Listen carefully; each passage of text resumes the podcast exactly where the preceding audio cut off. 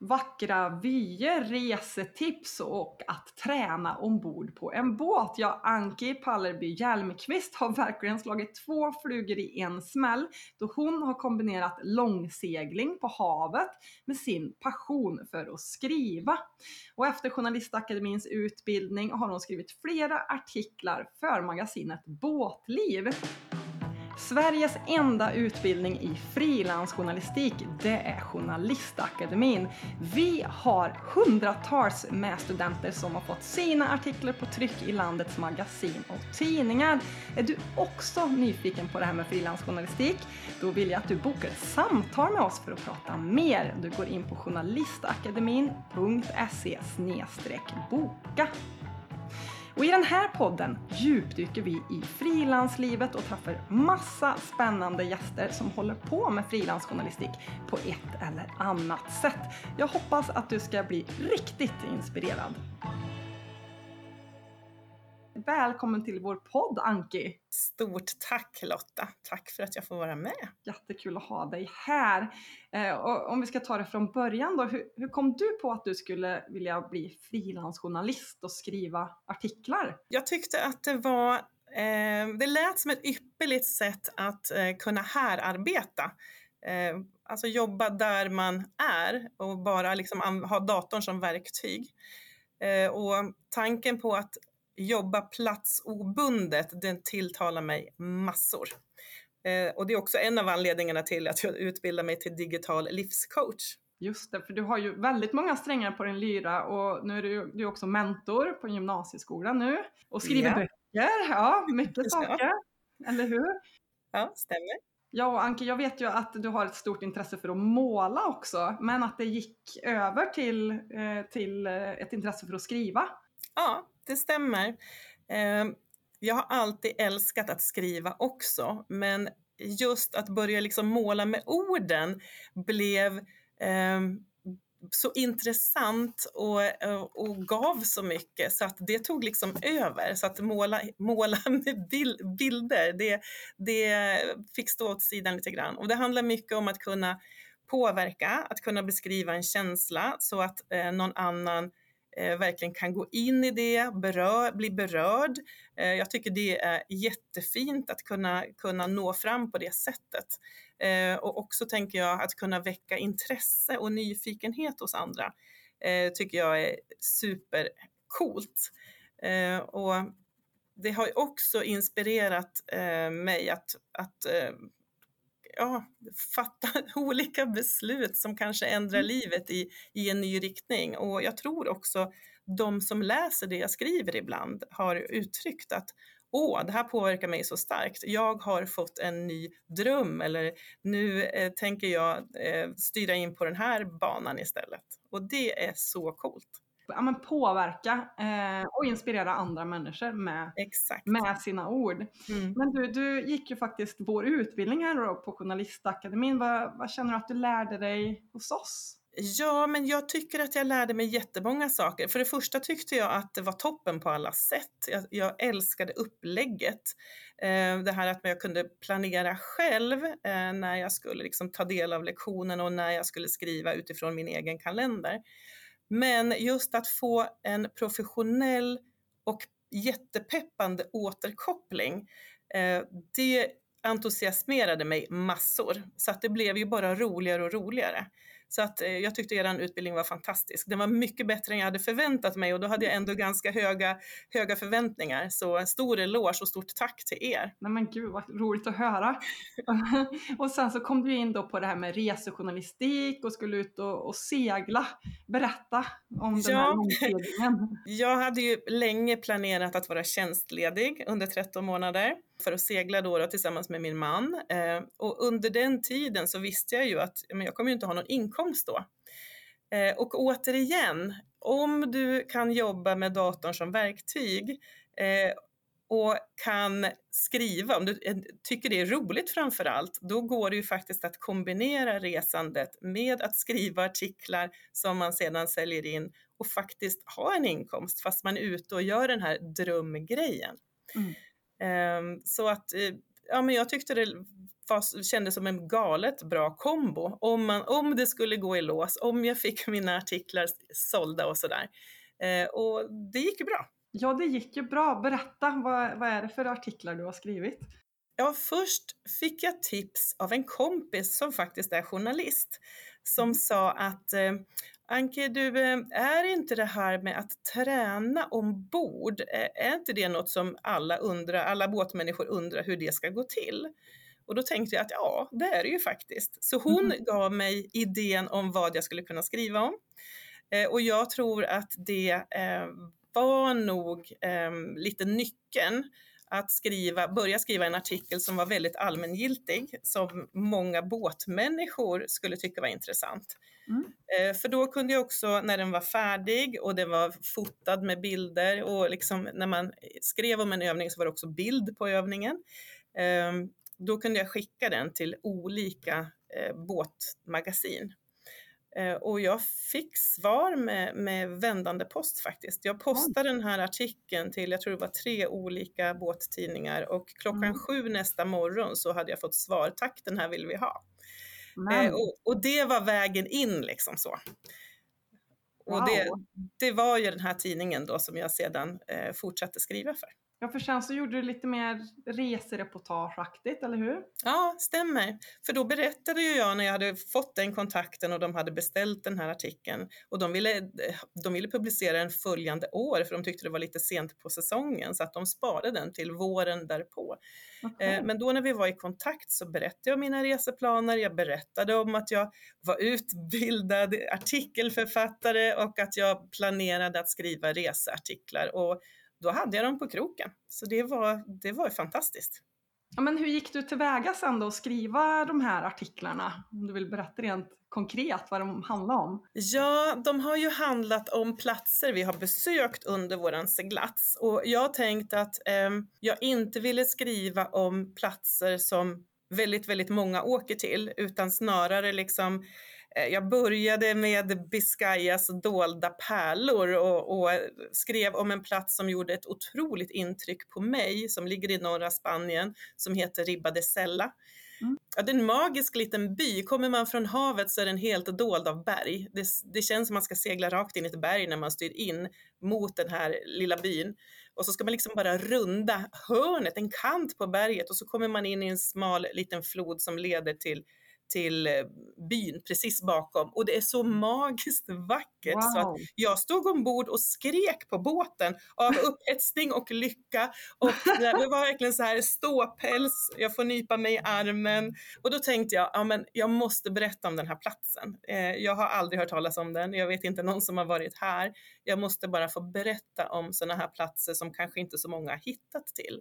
Så det blev min ingång när jag skulle välja vad jag ville skriva om. Gud, det låter ju helt magiskt. Och, och, och vad, vad tipsar om vad man kan göra i byn eller vad, vad handlar det om? Mycket beskrivning, eh, hur, hur det ser ut och återigen då, jag fotade mycket så det var reportagebilder. Jag är lite, eftersom jag är bildlärare i grunden så, så eh, är jag ju fortfarande bildnörd fast med kamera då. då. Eh, så bilder, men berättande text, eh, försöker beskriva känslan helt enkelt och vad mm. man kan göra där. Vad äter man? Hur är vad är det för klimat här? Eh, och sådana saker. Hur stort är det? Och, och så vidare. Men kanske ännu mera känslan att vara där. Men skrev du direkt sen på båten eller sparar du materialet tills ni kommer hem eller, eller hur, hur gick Nej, jag skrev direkt. För mig, i mitt fall så, så tror jag nyckeln är att skriva när jag är i känslan. För då mm. kommer flowet.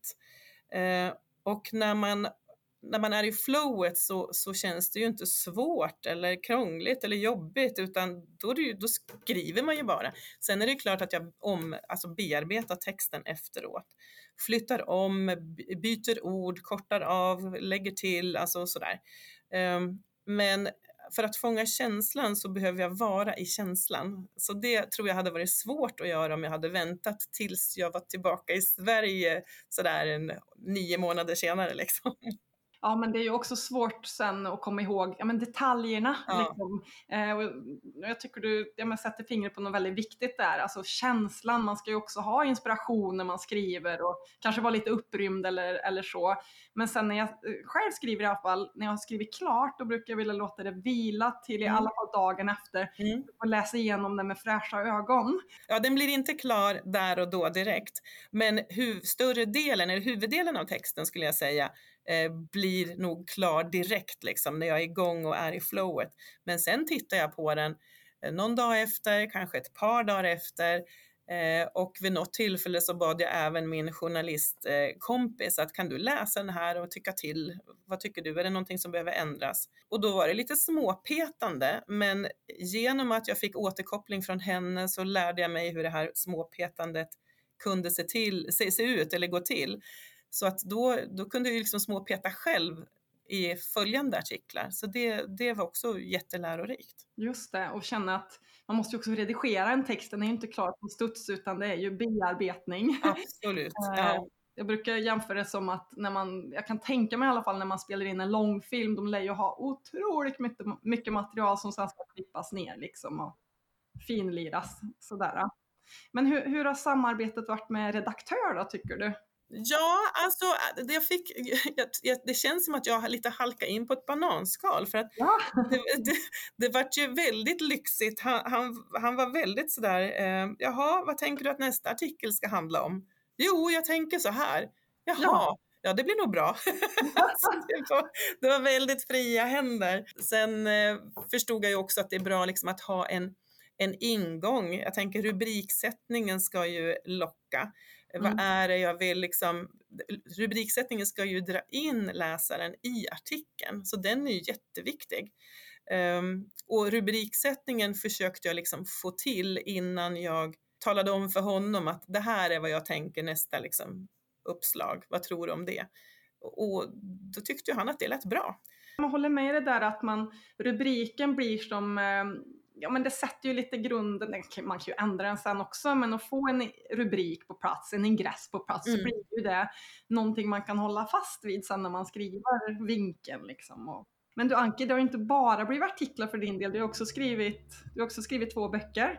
Ja, eh, första boken eh, har jag gett ut på, på eget förlag och det är en, en bok som egentligen var tänkt till åldersspannet 9 till 12 år. Jag tänkte eh, barn som inte har en mormor, morfar, farmor, farfar hålla i handen som förklarar saker om livet för dem skulle kunna ha den här boken som förklarar liksom, viktiga saker i livet. Så då skrev, skrev jag klokboken Superkrafterna eh, med ett uppslag om eh, olika saker, alltså varje uppslag handlar om till exempel självkänsla, eh, vänskap, eh, kärlek, med olika saker så. Eh, och det är korta texter på rim och eh, jag eh, fick tag på en fantastisk eh, akvarellist som har gjort en otroligt vackra bilder till den här boken. Men med de bilderna så blev det ingen barnbok längre, utan då blev den mer allmängiltig. Så den äldsta vi har fått ett tackbrev från är Ulla, 87 år, som, som skrev att det var den vackraste bok hon har läst. Så att det är stort att det kan tilltala så många. Eh, så vi säger, jag och Susanna då, som, som är med och har gjort den här boken, att det, det det är en bok som riktar sig till alla växande människor, oavsett vilken ålder man är i. Och nu så håller jag på att eh, eh, och skick, jag har precis skickat runt, eller skickat ut eh, en dummy, eh, bara en, liksom att visa en, en, en del av boken. Eh, en, bo, en båtmatsbok som jag skrev när vi var ute på vår långa seglats. Och där jag också bjöd in seglare som vi mötte efter vägen för att dela deras recept, men också lite storytelling om deras äventyr, vad de är ute på och vad de har för planer och sådär. Och sen är det fantastiska bilder i den, så att det är tänkt att bli både en receptbok och en coffee table bok och en storytelling-bok, allt i ett liksom. Eh, så att den hoppas jag att jag får napp på nu eh, av något förlag. Och annars, annars så kommer jag att ge ut den själv igen. Jag tycker det är så härligt också, många som går hos oss på Journalistakademin. Det går ju hand i hand det här, alltså att man vill bli författare också eller skriva längre, skriva artiklar också. Att eh, vi kan ju också hjälpa till med det. Eh, hur, ja, men det handlar ju till syvende och sist om samma sak. Berätta mm. en historia, hur mm. förmedlar jag det, hur håller jag en vinkel, även om man har mer tid i en bok, eh, så är det ju ändå en röd tråd som, som ska, ska finnas där. Du Anke, vad, vad har du fram, eh, framöver? Ska du ut på någon längre båttur snart igen? Eller vad händer? Jag har ingen sån plan, men jag håller på och planerar för min eh, framtid. Eh, och jag, vill, jag brinner för att betyda den positiva skillnaden. Jag, jag vill göra skillnad för andra. Och eh, några som har liksom varit eh, en hjärtefråga länge och som jag har funderat på hur ska, vad ska jag göra, hur ska jag hjälpa den här kategorin? Det är våra, våra gamla och ofrivilligt ensamma. Så att jag håller på med en affärsplan nu för att eh, eh, dra mitt strå till stacken för den här kategorin eh, och det kanske ligger tidigast om ett år eller möjligen ett par år framåt. Eh, och jag letar efter en en medspelare och kanske en, en delfinansiär i det här projektet. Så att det, det har jag i, i huvudet dag och natt just nu. Ja, många strängar på sin lyra, det har du verkligen Anki. Det har varit jätteinspirerande att få prata med dig och höra om hur man kan förverkliga drömmar om både det ena och det andra, men framförallt då skrivandet. Tusen tack för att du var med här idag. Tack snälla för att, jag, för att ni ville ha med mig. Och är det så att du som har lyssnat på oss också har lust att ge dig ut på de sju världshaven kanske, vad vet jag, ehm, och skriva, eh, då kan vi på Journalistakademin hjälpa dig med din skrivdröm. Våra deltagare har fått sina artiklar i tryck i 100 magasin. Det är faktiskt en siffra som bara växer och växer. Är du nyfiken på oss så vill jag uppmana dig till att boka ett samtal med oss på journalistakademin.se boka.